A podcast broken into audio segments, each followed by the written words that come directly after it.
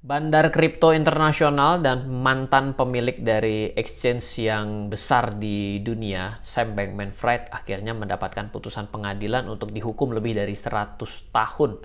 Dan apa pelajaran yang bisa diambil dari kejatuhan dari uh, exchange terbesar kedua waktu itu uh, dari FTX dan juga dari pelajaran dari Sam Bankman-Fried terhadap fraud yang di tuduhkan kepada dia dan apa yang bisa kita pelajari terkait dengan perdagangan internasional terkait dengan keuangan maka kita akan membahas pada video kali ini.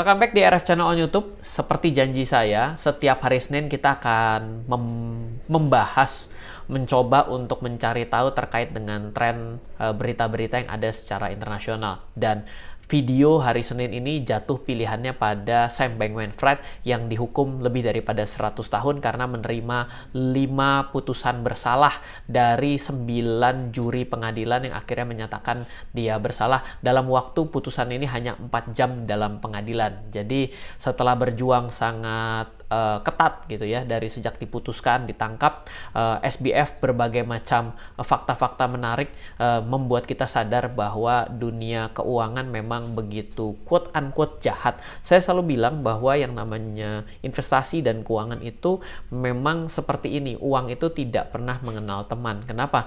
Karena dibuktikan dengan tidak adanya nomor seri uang yang sama. Kalau ada namanya uang palsu. Nah, ini menjadi suatu dark, dark jokes menurut saya, tapi harus kita sikapi dengan serius bahwa kita harus hati-hati dan selektif ketika kita mau trading maupun kita mau berinvestasi. Nah, setiap hari Senin bersama saya Ryan Filbert dan juga Forex IMF, di mana Forex IMF adalah salah satu pialang berjangka terdaftar dan diawasi Bapepti di Indonesia yang mengencourage Anda semua untuk bisa bertransaksi melalui pialang berjangka broker Forex secara resmi yang diregulasi di Indonesia, yang mana Forex IMF adalah salah satunya dan memiliki 19 tahun pengalaman sebagai zero complaint broker dan juga mendapatkan akreditasi A++ dari Bapepti. Bila Anda mau melakukan trading dengan uh, lot yang kecil karena saat ini sudah tren untuk bisa menggunakan lot yang uh, sekecil 0,01 maka di bulan kemarin um, Forex IMF membuka fitur baru uh, dengan bisa membuat transaksi kita menjadi sekecil 0,01. Jadi tidak ada suatu alasan, ya kalau saya trading di broker lokal, saya tidak ada 0,01. Sedangkan kalau di luar negeri menggunakan broker ilegal, karena broker luar negeri di Indonesia artinya adalah broker ilegal, um, saya tidak bisa melakukan, saya memilih transaksi tetap di luar negeri karena bisa 0,01 maka dengan adanya Forex IMF membuat Anda bisa melakukan transaksi di broker resmi di Indonesia dengan as low as 0,01 lot menjadi suatu uh, hal yang baik dan menarik buat Anda lakukan. So, silahkan Anda buka akun di foreximf.com sekarang juga. Oke, okay. crypto fraud dihukum 100 tahun. Apa pelajaran yang diambil? Jadi saya terus mengikuti berita mengenai uh, si SBF ini, di mana akhirnya diputuskan bersalah. Saya mengikuti pengadilannya, ber, berbagai macam beritanya, ketika dia mengakui bahwa uh, dia tidak memiliki orang risk management. Yes, betul bahwa risk management adalah suatu hal yang perlu. Kita perlu sadar bahwa sebuah bisnis dan investasi sudah kita lakukan dengan kondisi yang terbaik pun tetap bisa mengalami kerugian. Itu tidak bisa hilang jadi ketika kita berbicara mengenai investasi yang minim risiko, maka akan minim juga potensi keuntungannya. Itu sudah tidak bisa didebat. Saya selalu bilang bahwa ada empat hukum dalam kita melakukan investasi. Ada low risk, low gain, high risk, high gain. Nah, dua ini nih ada hukum lain nih. Ketika kita ditawar yang namanya no risk tapi high gain, itu tidak pernah ada. Oke, tapi ada yang high risk, no gain. Ya, jadi kita ada empat hukum: low risk, low gain, high risk, high gain ini sudah tidak bisa didebat. Tapi ada dua nih yang menarik. Kalau ada penawaran yang no risk high gain, itu tidak ada, berarti biasanya mengarah kepada penipuan ataupun justru malah kerugian. Yang kedua adalah, tapi ada loh, yaitu yang high risk no gain. Jadi, apa pun yang kita lakukan, kadang-kadang ada high risk high risk itu ketika kita melakukan dengan tidak memahami apa yang kita lakukan. Nah, ketika kita membaca uh, pengadilannya bahwa beberapa kali juga uh, dari pengakuan-pengakuan orang terdekat ya bahkan mantan pacarnya daripada SBF sendiri mengatakan bahwa dia mengaku bersalah tapi dia ditekan oleh SBF untuk melakukan tindakan-tindakannya. Dan juga kita tahu bahwa kejadian repotnya dari si SBF itu karena skema ini. Ya, ini adalah FTX itu adalah sebuah exchange, lalu dia membuat sebuah token, di mana token ini tidak di backup by aset, jadi artinya adalah token biasa yang kenapa bisa dianggap ada karena dipercaya gitu ya. Makanya ketika ini dilakukan akan menjadi pertanyaan bagi banyak orang loh, terus bedanya apa dengan uang kertas yang hari ini ada di masyarakat kita? Betul, ketika kita pergi ke dalam dunia cryptocurrency, jawaban kenapa orang pergi ke dunia kripto itu kan karena adanya blockchain dan juga adanya satu pencatatan yang jelas dan juga sesuatu aturan yang jelas di sana. Ini tidak ada, berarti penerbitan ini sama seperti fiat juga seperti itu. Lalu di sini yang repot ya, biasanya cikal bakal rusaknya sesuatu itu kalau sudah terjadi leverage. Makanya kalau saya pribadi ada yang menawarkan futures trading dengan menggunakan kripto, misalnya Bitcoin atau ETH, saya akan hindari. Kenapa? Karena ini terlalu volatile, naik dan turunnya terlalu kencang. Sehingga ketika kita menggunakan leverage di sini, ini bahayanya berlipat ganda. Ya, kalau misalnya mau yang nyaman dan aman dalam trading forex padahal sudah aman dan nyaman saja yang pergerakan satu harinya mungkin kurang dari satu persen misalnya adalah mata uang itu pun masih banyak yang terjadi margin call kan. Tapi padahal gerakannya sudah sangat gitu-gitu aja. Ya coba aja kita lihat, apa sih yang paling ekstrim? Misalnya kita melihat emas adalah yang paling ekstrim. Atau kita melihat yen yang paling ekstrim. ya. Tapi ya kayak gitu. Dan coba lihat dalam pergerakan hariannya. Apakah lebih daripada 10%? Enggak. Bayangkan ketika kita melakukan trading itu pada trading derivatif, kita lakukan pada Bitcoin Leverage itu ketika satu banding 100 boleh dibilang resiko kita jadi kali 100. Kalau kita bicara resiko 1% rugi, berarti ketika kita kalikan 100 berarti 100% rugi. Logika ke sana. Lah sekarang kalau kita pada Bitcoin naik dan turunnya itu 10% adalah biasa-biasa saja. Waktu naik 10% berarti dikalikan 100 naik 1000%. Semua orang senang. Jangan ditanyakan keuntungan. Tapi ketika rugi, pertanyaannya apa? Berarti ketika terugi 10%, kalau dikali 100 berarti rugi 1000%. Makanya saya menghindari untuk transaksi derivatif pada dunia kripto. Sedangkan kalau derivatif biasanya ya yang saya lakukan adalah indeks ya, lalu juga untuk uh, komoditi seperti emas, lalu currency. Makanya inilah produk utamanya dalam Anda melakukan trading di piala berjangka Ya, contohnya di Forex IMF kan Anda bisa melakukan transaksi transaksi ke untuk currency dan juga untuk komoditi dan juga indeks let's say indeks seperti oil, kira-kira seperti itu. Nah, bicara dengan gampangnya adalah kenapa menjadi masalah antara FTX, FTX bermasalah dengan Alameda Research di mana dia meminjamkan kepada Alameda di mana Alameda tidak bisa ngembaliin. Masalah kenapa tidak bisa balikin? Karena nilai aset pada turun. Quote unquote nilai kripto yang pada turun membuat dia tidak bisa kembaliin. Ya ini juga sama. Kenapa terjadi kejatuhan pada reksadana di tahun 2019 menuju tahun 2022 banyak sekali? Itu karena pasar tidak bergairah. Sehingga secara otomatis tidak bisa mengembalikan karena nilainya mengalami penurunan. Sederhana. Jadi resep yang paling repot adalah kalau harga harus naik terus berarti aman, tapi ketika harga tidak naik maka biasanya akan muncul banyak kejadian fraud maupun ya kejadian yang ada di sekitar kita lah. Boleh dibilang Indonesia pasar modal ada. Asuransi ada ya. Kripto sama lebih parah. Karena apa? Kripto itu tanpa aturan yang jelas. Pemerintah tidak melakukan regulasi dalam dunia kripto. Loh Ryan jangan salah loh. Di Indonesia bukankah regulasi ada di Bapepti untuk kripto? Eh nanti dulu. Yang diregulasi adalah pedagangnya tata cara dagangnya. Bukan diregulasi adalah perkoinnya Hati-hati loh ya. Yang diregulasi adalah tata cara dagangnya. Bukan aset-aset yang ada di dalam sebagai aset kripto itulah yang bisa diprotek itu tidak bisa. Karena apa? Karena mengikuti mekanisme market internasional. Betul? Oke. Nah, ini juga yang paling repot adalah ternyata uh, dalam dunia kripto pun pada akhirnya ketika ini terjadi nyerempet juga pada Securities and Exchange Commission ini seperti Bursa Efek Indonesia-nya gitu ya SEC lalu ada CFTC Community uh, Futures Trading Commission ini berarti seperti Bapeptinya jadi hati-hati nih ketika berbicara mengenai kripto bisa nyerempet-nyerempet pada pasar modal nyerempet-nyerempet pada bursa berjangka nah ini ada aturan yang jelas di Indonesia.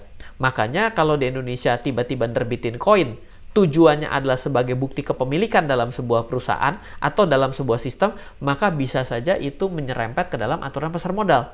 Itu juga sesuatu yang memang ya karena kemarin saya bikin video di Instagram gitu ya lalu saya membahas mengenai pilih mana investasi saham atau kripto. Akhirnya saya pilih kripto gitu ya. Orang bilang ih bikin buku investasi saham banyak tapi ternyata pilihnya kripto. Nggak begitu maksudnya. Maksudnya adalah kripto ini adalah suatu barang yang baru. Kita sadar bahwa inovasi itu mengandung risiko. Bayangkan ketika kita berbicara pada tahun 90-an dan berbicara mengenai internet pada saat itu berarti banyak sekali pemikiran-pemikiran yang negatif, apalagi melewati bubble.com tahun 2000. Tapi tidak bisa menghilangkan dari fakta bahwa yang hari ini menguasai dalam dunia persahaman di dunia itu adalah datangnya dari industri teknologi yang pada tahun 2000-an itu struggling. Nah, blockchain dan kripto itu memang punya peran di sana, punya kemungkinan untuk di masa yang akan datang menjadi menarik. Tapi saat ini banyak sekali adjustment-adjustment untuk mencapai satu titik yang menarik.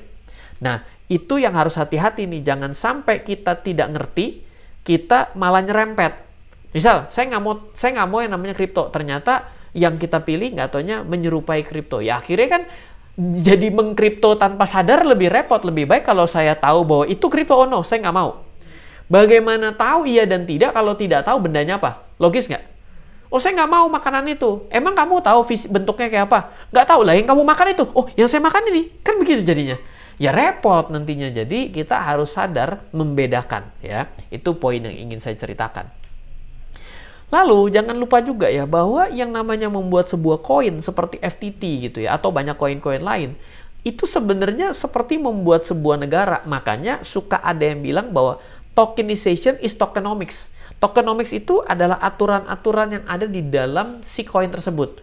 Ada yang namanya inflation, ada yang namanya deflation, ada yang namanya insentif, ada yang namanya token burn, ada yang namanya subsidi, ada yang namanya airdrop, ada yang namanya ini dan itu, ada mekanisme beli dan jualnya, dan lain sebagainya. Nggak gampang loh. ya Even yang sudah oke okay, seperti macam negara Amerika saja yang memiliki model konsep perekonomian yang dibuat oleh mereka sendiri karena mereka lah yang akhirnya tidak menggunakan uang kertas di backup oleh emas sekalipun dari tahun 70-an akibat perang, hari ini pun bingung bagaimana menyikapi kondisi perekonomiannya. Dan apakah Anda tahu bahwa Amerika menahan kenaikan suku bunga di level tertinggi uh, di bulan November ini? Dan masih ada potensi satu kali lagi untuk mereka rapat di bulan Desember. Dan ini juga ticking terkait dengan clock ticking terkait dengan apa? Terkait dengan mereka kehabisan cash sehingga mereka dipaksa untuk menaikkan plafon lagi. Dan jangan lupa juga kalau ngikutin video yang ada di RF Channel, di tahun lalu saya kemukakan bahwa hati-hati loh, ini ketika sudah dimulai perangnya, perang tuh perang perang kenaikan suku bunga ya, bukan perangnya yang terjadi dengan uh, maksud sebenarnya gitu. Ini pilihannya ribet. Kalau dinaikkan terus-menerus, maka resesi belum terjadi. Tapi bila ditahan terus ya dan akhirnya tidak tahan, ditahan terus dan tidak tahan, maka itu adalah resesi. Gitu. Jadi dinaikkan terus-menerus adalah menunda resesi terjadi. Kalau ditahan itu ciri-ciri mau masuk resesi. Loh, Ren kok bisa bilang begitu? Gampang, data berbicara. Bukan Ryan yang ngomong, tapi data dari kenaikan suku bunga yang lalu terkait dengan perekonomian di Amerika. Itu yang terjadi. Jadi sekarang ini kita lagi bingung nih. Ketika ini tidak dinaikkan, maka berarti resesi akan terjadi di 2024 bagi Amerika. Ya, ini kan besok nih tinggal satu lagi nih untuk tahun 2023 ini kan. Berarti bila Desember tidak dinaikkan, welcome recession. Menurut saya. Loh, tahu dari mana? Dari data. Kalau dinaikin lagi, ya naikin lagi. Tapi mana tahan ya. Kalau dinaikin lagi yang akan jadi masalah itu adalah para pebisnis. Nah, di sini belum terlihat relaksasi yang diberikan bagi para pebisnis. Sedangkan Indonesia dan yang lainnya berusaha untuk bertahan dengan mengimbangi. Dan tidak bisa dipungkiri Indonesia pun terjadi money outflow keluar dari satuan US dollar kita ya. Kebetulan karena ini tidak dinaikkan, ya cukup kembali menguat ya, e, dolarnya kembali turun. Tapi ketika ini dinaikkan, ada peluang juga kembali dana keluar Makanya di dalam negerinya e, banyak sekali e, kebijakan-kebijakan perekonomian dilakukan oleh Ibu Sri Mulyani juga dengan jajaran Otoritas Jasa Keuangan bersama dengan Bank Indonesia. Tujuannya apa? Agar menstabilisasi perekonomian nasional di sini. Nah, berbeda lagi dengan tetangga kita yang di Malaysia, wah cerita lebih panjang lagi. Itu nanti kita bahas lagi. Tapi itu juga cukup berbahaya ya dari kondisi uh, menurut saya loh ya, kondisi Malaysia itu cukup berbahaya pada saat ini karena nilai kursnya juga sudah mulai uh, melemah menuju ke seperti tahun 98-an yang mana itu kita tahu Asia Tenggara terhantam yang namanya krisis moneter. Oke, mungkin itu saja pada video kali ini kita perlu selektif, kita tidak bisa menyatakan saya tidak mau kripto. Iya, mau tidak mau tahu dulu. Nanti kita jadi bisa merapatkan barisan. Sehingga ketika kita memang tidak suka dan tidak mau dengan inovasi tersebut, apa pun yang berbau kripto silakan hindari. Tapi kalau kita melihat masa depan di sana, karena kita paham dan mengerti, boleh juga kan, nggak salah kan? Silahkan Anda hati-hati. Karena apa? Karena sampai kestabilan itu ada, akan banyak kejadian-kejadian. Ini udah kejadian keberapa? Dari uh, sebelumnya ada namanya Mr. Dokwon, itu dari Terra, Terra Luna itu repot juga. Itu adalah dampak selanjutnya dari Terra itu juga ini pasti ada sedikit banyak akan uh, berdampak kepada si FTX ini juga. Nah, ini terus berlanjut di tahun 2022, 2023. Jadi ini masih banyak hal yang belum selesai. Artinya kita sebenarnya kalau menurut saya sendiri ya, kripto itu really early stage di sini. Jadi anda hati-hati dengan tidak tahu malah nanti Anda juga jadi terjebak. Mungkin itu saja untuk video kali ini. Semoga bermanfaat dan setiap hari Senin selalu ada analisa-analisa dan informasi terkait dengan keuangan internasional. Dan setiap hari Selasa juga bersama Forex MF kita membuat live session, Anda mau bertanya, saya banyak membahas mengenai, ya kalau Anda mau lihat grafik, mau belajar, ya belajar sama-sama karena uh, technical analysis itu adalah suatu poin yang cukup penting, tapi lain daripada itu kita juga bisa melihat tren-tren yang ada secara makro, sehingga kalau kita agak sedikit jangka panjang, maka kita perlu friendly lah, boleh dibilang berteman lah dengan yang namanya uh, makro dan juga uh, news yang ada tren di dunia. Semoga selalu bermanfaat dari saya Ryan Filbert dan juga foreximf.com mengundang Anda untuk bisa join di grup Telegram VIP dari Forex IMF. Anda bisa cek pada kolom deskripsi. Bye-bye.